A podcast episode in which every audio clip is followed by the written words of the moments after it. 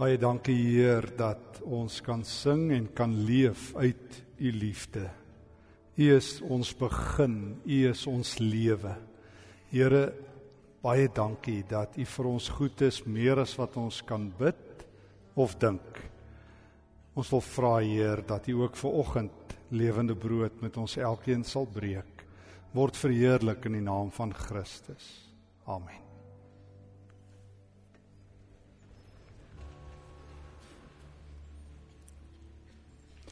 Hulle sê daar is een ding wat mens nooit moet doen nie. Jy moet nooit in die aand gaan slaap met jou selfoon langs jou nie. Jy moet nooit op jou sosiale media kyk voordat jy gaan slaap nie. Ek weet nie of julle dit ook al gehoor het nie. Ek hoop nie julle doen dit nie, maar een ding wat ek agtergekom het, baie Christene doen is om wel die Bybel te lees in die aand voordat hulle gaan slaap. Hulle dink nie hulle sal iets oorkom nie. Hulle sit hulle selfone af, maar hulle is bereid om die Bybel as 'n slaappil te gebruik. Ons weet dit want ons het van Ekerk se kant af in 2013 'n studie gedoen reg deur die land onder Afrikaans sprekende gelowiges en meeste Christene lees die Bybel in die aand voor hulle gaan slaap. Nou hoekom sê die sosiale media ouens jy moenie jou selfoon gebruik voordat jy gaan slaap nie? Dit gaan jou wakker hou. Ek ken min Christene wat nog vir my gesê het die Bybel het hulle wakker gehou nadat hulle dit gelees het voor hulle gaan slaap. So my konklusie is vir baie mense is die Bybel 'n slaappil. Dit moet jou lekker laat slaap. En lyk vir my dit het al met my gebeur. Ek weet ek het 'n paar vermoëns. Ek het myself al aan die slaap gebid en ek het myself al aan die slaap aan die Bybel gelees. Dalk is ek die enigste ou in die huis met wie dit oorgekom het. Ek hoop nie dit het al met julle gebeur nie. Maar geliefdes, ja, daar is 'n paar tekste wat jy in die Bybel kan lees voordat jy gaan slaap, maar dan moet jy die Bybel ken. Dan moet jy weet Psalm 3 of Psalm 4 is geskryf as 'n slaappsalm. Maar hoe kan jy God se woord oopmaak en jy lees? Jy moet jou kruis opneem en, en jy moet Jesus volg en dan sê jy, "Ag Here, ek is nou so vaak, ek kan iets voorkom lekker slaap." En dan klok jy uit. As die Here jou nie wakker hou deur sy woord nie, lees jy dit verkeerd. Vandat ek dit agtergekom het, is daar 'n 'n plakker denkbeeldig in my Bybel, lewensgevaarlike boek. Dit gaan jou lewe verander. Ons het die Bybel mak gemaak. Ons het dit getem. Ons het uh die krag daarvan beroof. Die Bybel is sommer maar net 'n boek. O ja, ons spandeer baie tyd daaraan om vir mense te sê dit is God se woord. Soos ek al vertel het 'n dame het eendag vir my gesê, sy staan op die Bybel. Sê ek ek kan dit sien. Klim af en lees dit. Dit's baie beter. Ons is nie geroep om die Bybel die heeltyd te verdedig nie. Ek kan nie vir julle sê by hoeveel plekke moes ek al die afgelope tyd onder Christene gaan praat oor die gesag van die Bybel nie. Dan sê ek ouens regtig. Dis iets wat ons doen na buitentoe. Maar hoeveel keer ons is so besig om oor die gesag van die Bybel te praat dat min mense die Bybel ooit na behore ken. Nou die dag vertel 'n vriend vir my, daai ouens wat so 2-2 loop en aan jou deure klop, hulle was daar by hom die Jehovah getuies. Hy sê, "Sjoe, daai ouens ken die Bybel." Ek sê, "Wat, hulle ken twee tekste." Maar toe dink ek sy een ken, dan ken hulle daarom die Bybel die helfte beter as hy. Dilemma is die Bybel het vir ons of 'n makboek geword wat ons so ligtelik opvat dat ons dit gebruik om aan die slaap mee te raak of om ons gewete af te koop of iets. Of dat ons nie meer die idee het wat daar binne in staan nie en daarom volgend as deel van ons reis oor nadenke met die woord val die soeklig op drie dinge wat die Bybel self oor die Bybel sê. Die eerste een is en daarna uh, ons gaan daarvoor na Psalm 1 toe oordink die woord dag en nag. Die tweede een gaan wees eet die woord en die derde een skryf die woord oor jou hele lewe. Um, ons begin by Psalm 1. Dit gaan goed met die mens wat nie die raad van goddeloses volg nie. Nie met sondaars omgaan nie en nie met ligsinnige saamspan nie, maar wat in die woord van die Here sy vreugde vind. Dit dag en nag oordink. Ek hoop jy het gehoor. Dit dag en nag oordink. Hy is soos 'n boom wat by die waterstrome geplant is wat op die regte tyd vrugte dra en waarvan die blare nie verdroog nie. Hy is voorspoedig in alles wat hy aanpak. Oordink die woord dag en nag. Daar't so mode plaasgevind in Suid-Afrika onder Christene. En um Dalk hoor jy dit ook en dalk gebruik jy dit ook, ek weet nie, maar mense sê hulle het skrif gekry. Het julle dit ook al gehoor? Nou dan bedoel hulle gewoonlik hulle het 'n versie gekry. As iemand vir my sê hulle het skrif gekry, sê ek ek ook 66 boeke. 66 boeke. God is nie in die vers uitdeel boek besigheid nie. Hy is nie in die Bybelvers op 'n dag gee jou krag besigheid nie. Trouwens, weet jy dat Bybelverse eers in die jaar 1555 in die Bybel ingevoeg is, die Bybelverse soos ons dit gebruik. Weet jy dat hoofstukindelings in die Bybel eers uit die jaar 1227 kom? Toe Paulus en Jeremia en Petrus en Matteus die Bybel geskryf het, het hulle nie verse en hoofstukke gebruik nie. Trouwens, die Grieks in die eerste 400 jaar was net een groot teks sonder breuke tussen woorde. God het nie bedoel dat sy Bybel 'n versieboek word, die groot verseboek nie. O ja, jy kan verse gebruik as jy eers die hele boek gelees het. Um ons weet dit instinktief met alle ander boeke. As jy 'n nuwe boek optel, sê nou maar Wilbur Smith se nuwe boek, dan begin jy nie by bladsy 400 lees, dan lees jy tot 450 en volgende week lees jy bladsy 380 en die week daarna bladsy 200 en dan begin jy by bladsy 1 nie. Ek meen, as die ouens vir jou vra, "Hoe's daai boek?" dan sê jy, "Jo, ek weet nie, dis baie indrukwekkend, maar ek het nie idee wat aangaan nie." Maar baie ouens doen dit met die Bybel. Weet jy hoe het God sy woord geïnspireer? Hy het gesê jy begin by die begin en dan lees jy tot by die einde. God het nie verse afsonderlik uitgedeel nie. Mens noem dit thin slicing. Ek ken baie ouens en ek ongelukkig het ek te doen met baie ouens wat die Bybel verkeerd hanteer. Met sogenaamde thin slicing, hulle gryp 'n teks op twee waarop hulle staan En terloops die meeste tekste soos Jeremia 29 vers 11, daar staan al 30 miljoen aanhouers op hom krye aan een. Ehm um, maar want ek dink ons staan nie wind uit sekere tekste, maar niemand ken Jeremia 29 vers 15 nie. Almal ken Johannes 3 vers 16, maar niemand ken Johannes 3 vers 17 nie. Dis wat gebeur as ons die Bybel so thin slice, so dun sny, paar tekste gryp en hardloop daarmee. Dan laat ons God buik spreek. Dan maak ons hom 'n versie God terwyl hy in hoofstukke, in boeke, in testamente kommunikeer. Hy het bedoel dat jy sy woord moet deurlees, boek vir boek. Paulus het by Galasiërs 1 begin en ons boek by Galasiërs 6 opgehou.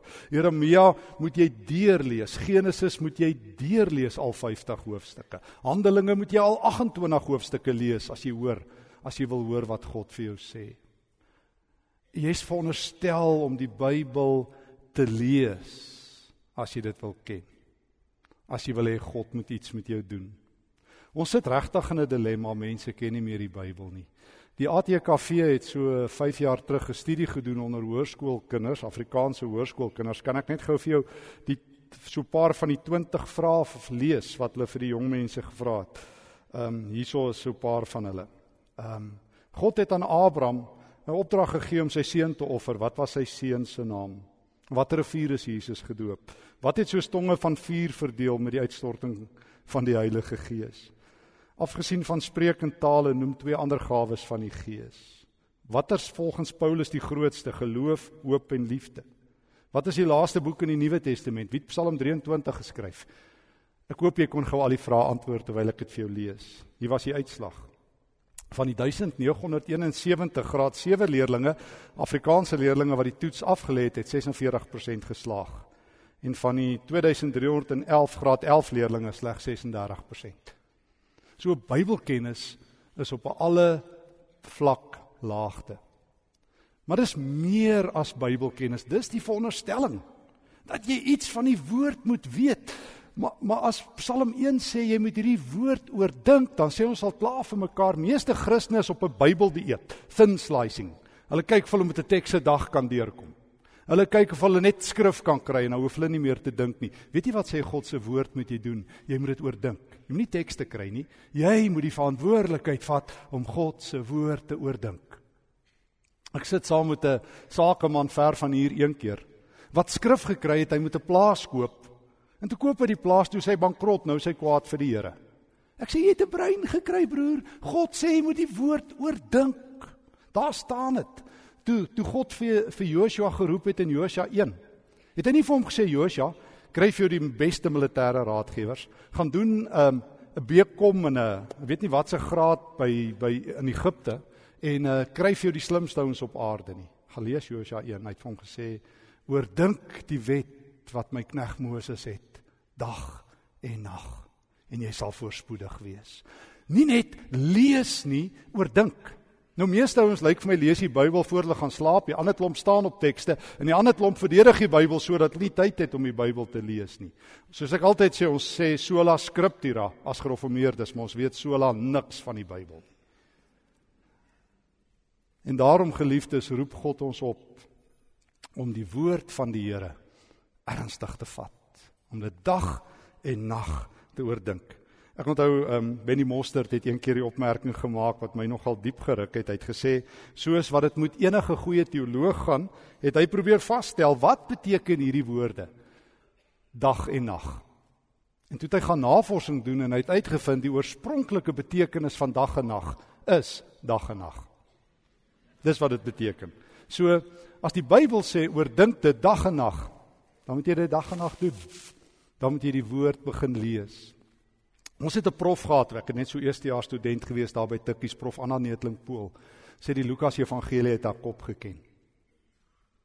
Sy sy het gesê ek kan ten minste een Bybelboek in my lewe baas raak. En God praat so deur 'n boek. Ek het my hele sonnaarskoolloopbaan deurgegaan en sertifikate gekry vir goeie diens en selfverdediging en alles in die sonnaarskool en ek kon nie een Bybelboek ooit ken nie. Ek het nie eens 'n idee gehad of my dominee dit ken nie. Ek vra altyd vir dominees en pastore as ek met hulle werk, hoeveel keer sê Markus Jesus het vir ons sondes gesterf? Twee keer.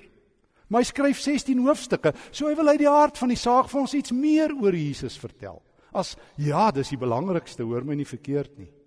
Maar as dit al is wat ek oor Jesus kan sê uit Markus, het ek Markus gethinslice. Ek vra altyd vir die ouens as jy die Johannes Evangelie lees, Wat het Johannes nie wat die ander evangelies het? Hy het nie gelykenisse nie. Hy het nie 'n eindtyd nie. Hy praat nie oor die eindtyd nie. Hy sê die ewige lewe is nou. Het jy dit al ooit agtergekom? Almal sê dis my gunsteling evangelie. Dan sê ek, kan ek jou gou toets hoe gunsteling is dit? Want ek het 'n idee as ek sê my gunsteling kos is braaivleis, eet ek dit gereeld of anderster is die grap op my. As ek die enigste vreemdeling in Jerusalem is, ek sê hierdie Bybelboek is my gunsteling, moet ek daarom weet wat daarin aangaan. Oordink die woord dag en nag. Anders te lees jy dit verkeerd. Anders te thin slice jy. Raak Bybelboeke baas. God praat deur 'n boek met jou. Al die dwaalings in die kerk kom van die feit dat mense die woord nie lees en dan oordink nie. Nie lees en dan oordink nie. Hier is die volgende ding wat die Bybel sê: oordink dit. Oordink dit. Weet jy die Here het ons fisiologies so gemaak dat ons kan dink. Ons het 'n regte brein wat regtig met komplimente van die Here aan ons afgelewer is. En as ons nie 'n breinsiekte het nie, dan sê die Here gebruik dit.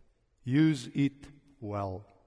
Meeste Christene wat ek ken, gee egter net hulle harte vir die Here en hou hulle koppe vir hulle self.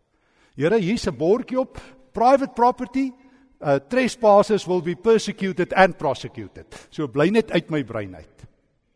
Maar Paulus skryf vir ons in Kolossense 3 vers 2: rig julle gedagtes op die dinge daarbo. Romeine 12 vers 2, almal se gunsteling teks sê: "Laat toe dat God julle gedagtes vernuwe sodat julle God se wil kan ken." Nie kry skrif sodat julle sy wil gaan ken nie. Laat toe dat hy julle nuwe denke gee. En weet jy waar kry jy nuwe denke? As jy die woord dag en nag oordink, dan leer jy om vars en nuut te dink. God se woord moet oordink word. En die Here het my brein so gemaak hier agter in my brein in my breinstam is daar 'n stelsel die retikulêre aktiveringsstelsel. Hoogs kompleks wat hulle sê 'n miljoen ehm um, kalkulasies en uitprosesse kan prosesseer per sekonde. Per sekonde. Wat moet besluit wat is voorgrond en agtergrond in my lewe? En Paulus het dit al lankal deur die Gees geweet dat leer Christene om God te voorgrond Weet julle hoekom ken baie van ons nie die Bybel nie? Ons lees dit, ons gaan slaap en ons vergeet daarvan. Ek sê altyd, die grootste begrafplaase in ons land is nie daar by die begrafplase en in die nisse waar mense se as lê nie, maar as hier in die kerk. Ons gee vir meeste preke 'n decent burial. Ons luister dit, dan stap ons daai, dan vergeet ons. Ons lees die Bybel, dan slaan ons dit toe. O die duiwel is nie bekommerd as jy die Bybel lees voor slaaptyd as jy jou lekker kan laat slaap daarna nie.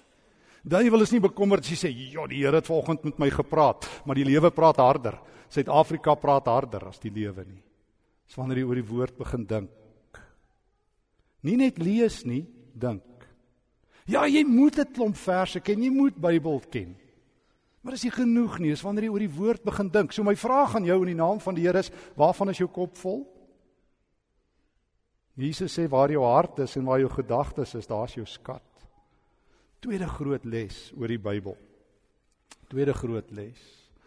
Ons lees in Psalm 1 het ons nou gelees oor dink die woord. Die tweede een vat my na um, die einde van die Nuwe Testament toe na Openbaring 10. Eet die woord. Ook 'n beeld ek sou ook die einde van Esegiel 2 en Esegiel 3 kon lees. Johannes sien die grootste engel wat hy nog ooit in sy lewe gesien het. Daai engel is so groot, sy een voet op die see, sy ander voet op die land. Sekerlik Michael. En dan staan die engel in sy regterhand met 'n klein boekie en dan kom daar 'n stem vers 8 wat sê: "Gaan kry die oop boek wat daar in die hand van die engel is wat op die see en die land staan." Ek het na die engel toe gegaan en vir hom gevra om die boekie vir my te gee. Hy sê toe vir my: "Neem dit en eet dit op. Dit sal jou maag bitter maak, maar in jou mond so soet wees soos honing." Ek het toe die boekie in die hand van die engel gevat en dit opgeëet. In my mond was dit so soet soos honing, maar toe ek dit insluk het, my maag bitter geword. Toe het hulle vir my gesê jy moet weer God se boodskap aangaande volke, nasies, tale en konings verkondig. Eet die woord. Eet die woord. Maak 'n deel van jou metabolisme. Die dieetkundige sê ons is wat ons eet, nie waar nie. En ons weet dit ook. As jy verkeerde kos eet, het jy slegte spysvertering. As jy wil gesond lewe, eet reg. God sê eet my woord. Proe dit. Proe dit.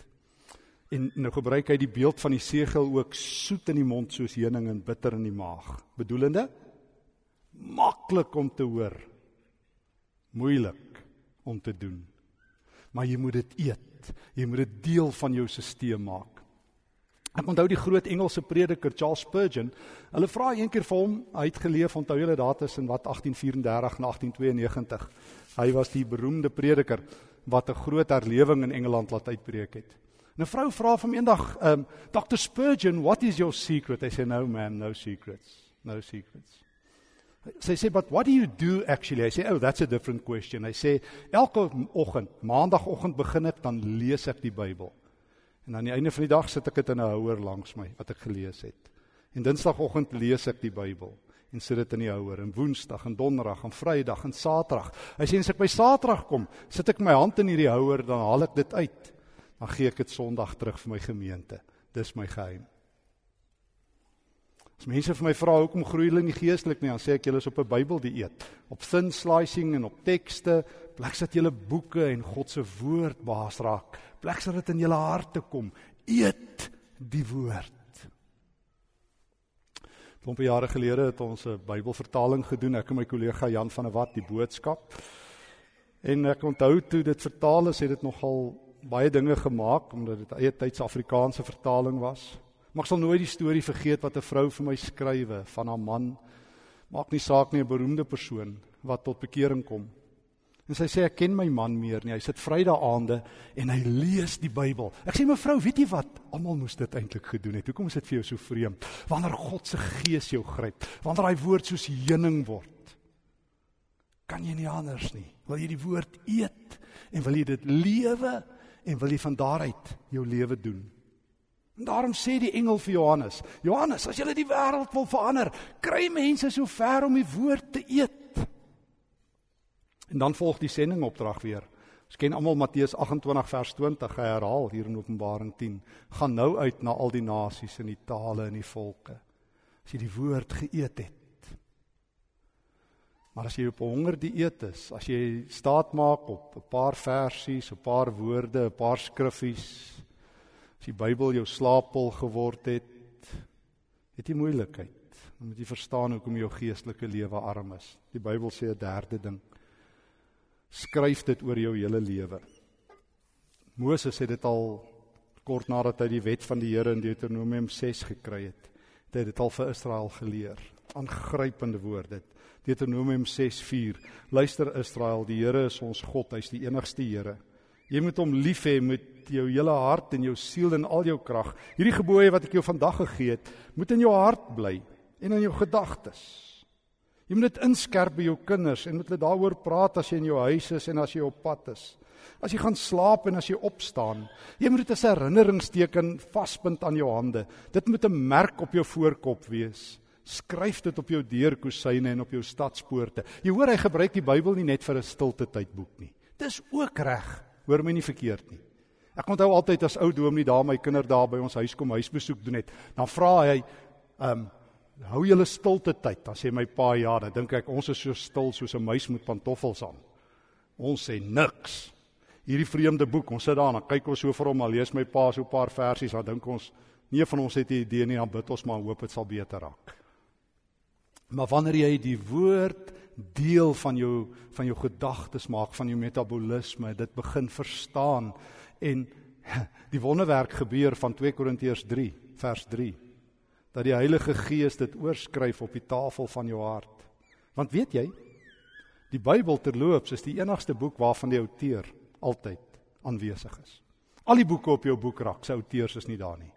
Maar die Gees sê, um, Efesiërs 6, dis sy swaard En as jy daarmee besig is, 2 Korintiërs 3 vers 3, word ek 'n lewende brief van Christus. Hy skryf nie meer op kliptafels nie, hy skryf daai woord oor op my hart. En hoe ouer ek word, hoe meer naïef raak ek om dit te glo. Glo ek ek moet vir die Here goeie skryfpapier wees. En hoe meer hy die woord op my oor skryf, hoe meer kom dit in my gedagtes en lek dit oor op my hande en my voete en begin ek God se wil agterna dink, want die woord het sy wil. Daar's God nie meer 'n misterie nie. Dan's God nie meer 'n raaisel nie, nou sê hy 'n Vader. Omdat die skrif begin lewe. Moses sê jy, jy moet die Bybel nie net daar in die hoek sit van jou lewe nie. As jy opstaan en as jy gaan slaap, moet dit jou lewe vat, oggend en aand. As jy op die pad is en as jy saam met mense sit, moet jy met die woord besig wees. Skryf dit op jou handpalms, laat dit op jou dade afgee. Skryf dit op jou deurkusyne, skryf dit op die stadspoorte. Maar die mense weet God se woord is jou lewe. Ek onthou ek vat eendag, nou is my Bybel op my selfoon, maar ek sit nou die dag by 'n restaurant hier naby Menlyn. My Bybel lê langs my en die, en die kelner vra vir my, "Wat's daai?" Ek sê, "Dis 'n Bybel." Sê sy, "Hoekom bring jy dit hier in?" Ek sê, "Jy dreig my met 'n spyskaart. Ek kan seker my Bybel bring." Ehm um, En sy begin met my praat en die kort en lank is daar gee sy haar lewe aan die Here. Hierdie Bybel is 'n reisboek. Dis bedoel vir die lewe. Ek is seker as meeste Bybels kan praat, sal hulle sê al reis wat ons doen is kerk toe en terug, kerk toe en terug. Jesus het bedoel dis 'n boek vir die lewe. Moses het dit al bedoel. Gryp my so aan daar as ek die laaste die groot hoofstuk lees Lukas 24 vers 13 tot 35. Jesus het pas uit die dood opgestaan. En hy sien twee mense loop weg, die twee mense van Emmaus. En hy vat koers agter hulle aan. Raai wat doen Jesus? Hy laat hulle net praat En dan begin hy uit die skrif uit praat. Want waar's die skrif? Jesus loop nie met so 'n Bybel nie. Jy kon in elk geval nie daai dae net was perkamentrolle. Maar die skrif is in sy hart. En uit die skrif uit lê hy dit vir hulle uit. En dan eet hy saam met hulle en dan verdwyn hy. En dan hardloop daai twee mense van Emmaus terug Jerusalem toe en dan sê hulle die mooiste woorde in die hele Bybel oor die Bybel. Daar vers 32 sê hulle: "Het ons harte nie brandende geraak toe Jesus uit die skrif met ons gepraat het nie. O ek sien dit gebeur as jy God se woord aan mense gee. Ek sê altyd die maklikste is ek moet dominees en pastore werk. Geef hulle God se woord, nie jou eie opinies nie. Jy's nie besig met vroom praatjies as jy preek nie. Dis die lewende woord van God. Hy sal mense verander dan kruip jy net agter die Bybel weg. Dan sien jy wat doen God. As die woord vlam vat in 'n mens se lewe. Niks mooier nie. Geliefdes, Nee nee, dis nie ingewikkeld nie. Dis nie ingewikkeld nie. Die Bybel is moeilik omdat ons lui geword het. Ons wil dit maklik maak. Ons wil 'n God hê wat alles kits vir ons gee. God is met respek gesê nee een stop religieuse diens wat op afspraak en op aanspraak as ek gebid en gevas het vir my 'n paar tekste moet gee nie. Hy's my Vader en hy vra respek vir sy woord en respek vir sy stem. Hy sê lees Bybelboeke deur, raak dit baas, leef uit dit, oordink dit, eet dit en en gaan doen dit. En dan maak die woord 'n reuse verskil. Dan is die woord op die pad soos wat Jesus dit bedoel het. Dan is die woord my reisgenoot. Dan kan ek saam met die Bybel leef en uit die Bybel leef. Dan is God se wil voor my en in my oorgeskryf. Ag, as die Here net weer 'n honger vir ons sal wakker maak vir sy woord. Ons leef in die jaar van die reformatie. God het liter opgerig om die woord vir ons terug te gee. Vir vir vanaf die 5de eeu tot 1621 dat hy die Bybel in um, in in in in in Duits vertaal het, was die Bybel in in Latyn, dit was ontoeganklik. En die grootste wat Luther ooit gedoen het was om God se woord vir mense terug te gee in hulle eie taal. Nou het ons die Bybel in ons eie taal en ons raak aan die slaap daarmee. Die lewende woord van God met die plakker voorin. Hierdie boek gaan jou lewe aan die brand slaan as jy dit lees. Die Heilige Gees is die skrywer. Hy gaan dit oorskryf op jou hart. Jy gaan nooit weer dieselfde wees nie. Ek wil begin afsluit. Hulle vertel dat baie van die ou rabbies as jy by ehm, 'n um, fariseer aangesluit het of by die rabbies 'n student geword het. Dan was die vereiste en jy moet gaan kyk dis tot vandag so dat jy uiteindelik as jy die Torah begin studeer, die wet van Moses, gewoonlik het jy op ouderdom 13 daarmee begin en teen 16 het jy dit uit jou kop uit geken, uh die vyf boeke van Moses. En daarna het jy die geskrifte in die uh profete baas geraak. Skrifgeleerdes soos Paulus het die Ou Testament uit hulle kop geken. Dis aangrypend. In elk geval hulle vertel dat as jy by baie rabbi skole aangesluit het, dan die rabbi by die eerste keer as jy die woord ontmoet, vir jou potjie heuning neergesit. Want Psalm 119 vers 101 sê die woord is soos heuning. Is soos heuning. As jy dit geproe het, kan jy saam met die psalmskrywer van Psalm 119 nooit ophou jubel oor God se woord nie. Hoor net hoe skryf hy. Hy sê hoe lief het ek u woord, u wet vers 97. Dit bly my elke oomblik by. U gebooie gee my meer insig as wat my vyande het. Ek munt uit bo my leermeesters. Ek het meer insig as ouer mense. U voete, u het my voete weerhou van die verkeerde pad. Van die bepalinge het ek nie afgewyk nie. Hoe aangenaam is u woord soeter as heuning. U woord is die lamp wat my die pad wys, die lig op my pad. As jy die Bybel lees voordat jy gaan slaap, lees 'n slaappsalm soos Psalm 3 en 4. Maar geliefdes, as die woord jou so verveel dat dit jou aan die slaap maak, stop dit. As jy staat maak op 'n paar tekste in jou lewe, stop hierdie slegte Bybelmaniere. God het sy woord bedoel om gelees oordink en geleef te word. Oordink die woord dag en nag. Eet die woord dag en nag. Skryf die woord oor jou hele lewe en jou hart sal aan die brand slaan. Amen. Kom ons sit net so dan bid ons saam. Here God, dankie vir die woord. Dankie dat dit die wapen, die swaard van die Heilige Gees is. Dankie dat U ons in die waarheid lei deur die woord. Dankie Here Jesus dat U die woord is wat mens geword het oor wie die woord vertel. Dankie Heilige Gees dat dit U is wat hierdie woord keer op keer in mense se lewens inbrand. Here, waar ons so slordig omgaan met U woord, waar ons baie keer sommer so lukraak daarmee werk. Waar ons dink net soos ons opreg is, is dit die enigste goeie motief.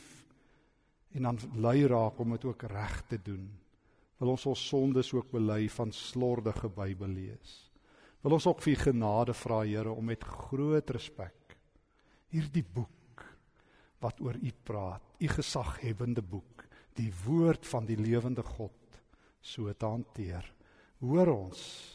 Maar Here, sien ook as ons ons opnuut toewy om studente te wees, disippels wat ou en nuwe skatte in die woord gaan ontdek maak dit weer heuning.